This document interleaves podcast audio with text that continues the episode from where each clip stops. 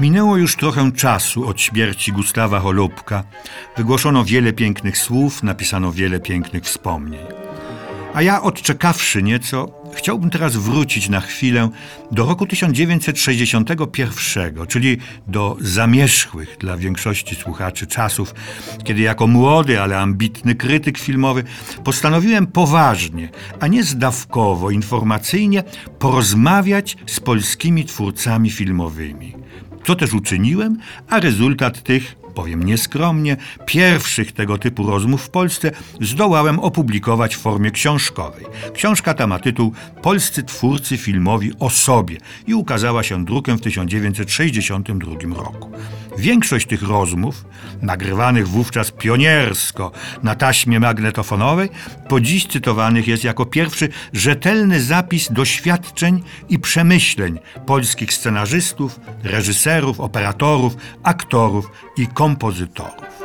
Wśród aktorów poczesne miejsce zajmował obok Zbigniewa Cybulskiego, Tadeusza Łomnickiego i Lucyny Winnickiej Gustaw Choloupek.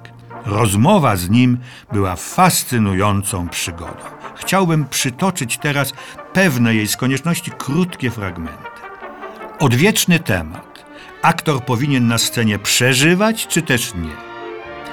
Jestem wyznawcą poglądu, odpowiedział Gustaw Holoubek, że prawdziwe aktorstwo nie ma nic wspólnego z przeżywaniem. Rację mają ci, wśród nich znajduje się i Szekspir, którzy twierdzą, że teatr nie jest zwierciadłem natury, tylko jej naśladowanie. Specyfika teatru. Specyfika gry w teatrze, ogrom sali, odległość od widza powodują, że środki wyrazu muszą być w jakiś sposób wyolbrzymione, a więc zdeformowane. Naturą aktorstwa jest obcowanie z widzem. Takie było źródło i taka jest funkcja tego zawodu. Aktor dojrzewa i gra w sposób pełny tylko w obecności widza. A gra partnera ma jakieś znaczenie? Pytałem wtedy. Kiedy studiowałem w szkole aktorskiej w Krakowie, odpowiedział Gustaw Holoubek, widziałem 12 razy Juliusza Osterwę w roli Przełęckiego w Przepióreczce Żeromskiego. Drugi akt zaczyna się jego wejściem do pokoju klasowego, powieszeniem palta i kapelusza na wieszaku. Następnie Przełęcki z wyrzutem, zniecierpliwiony, zwraca się do Smugoniowej, dlaczego odwołała go od ważnych zajęć. Pewnego razu zapanowała wśród kolegów, z którymi byłem na przedstawieniu, konsternacja.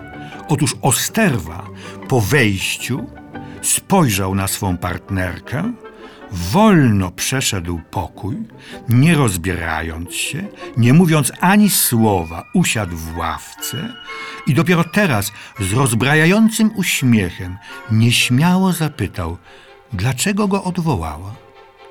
Następnego dnia zapytaliśmy o sterwę, co się stało.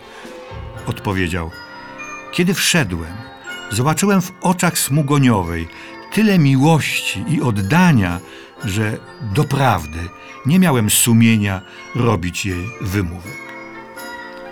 A gra w filmie, chciałem wiedzieć. Dalej Gustaw Holoubek. Właściwie nie jestem w stanie zdać sobie sprawy, na czym polega umiejętność pracy w filmie. Wiem tylko, że wszystko w filmie jest zupełnie inne. W filmie prywatna osobowość aktora jest o stokroć ważniejsza niż jego umiejętności zawodowe. To znaczy, że moja przydatność w jakiejś roli filmowej jest o tyle pożyteczniejsza, o ile moja osobowość do tej roli przystaje. Ta opracowana i wydrukowana rozmowa z Gustawem Holoubkiem ma kilkanaście stron. Przytoczę na zakończenie jeszcze tylko jego odpowiedź na moje nagabywanie o filmowe gwiazdorstwo i tworzenie na ekranie tak zwanych typów. Jestem, odpowiedział Gustaw Holoubek prawie 50 lat temu, zwolennikiem gwiazd. Jakkolwiek mogę nie dzielić zachwytów na temat jakiejś konkretnej gwiazdy. Jestem również zwolennikiem kontynuowania pewnych typów. Kiedy widzę na plakacie nazwisko Charlesa Laftona, Jeana Gabena, Grety Garbo czy Jean Moreau, pędzę do kina, by ich zobaczyć. Nie przeszkadza mi to, że są tacy sami Jako widz jestem nimi zachwycony, właśnie tym, że się nie zmieniają. Jako aktor nie wiem, czy los ich jest godny pozazdroszczenia. Jest to pewne niewolnictwo, które określiła, wymusiła publiczność.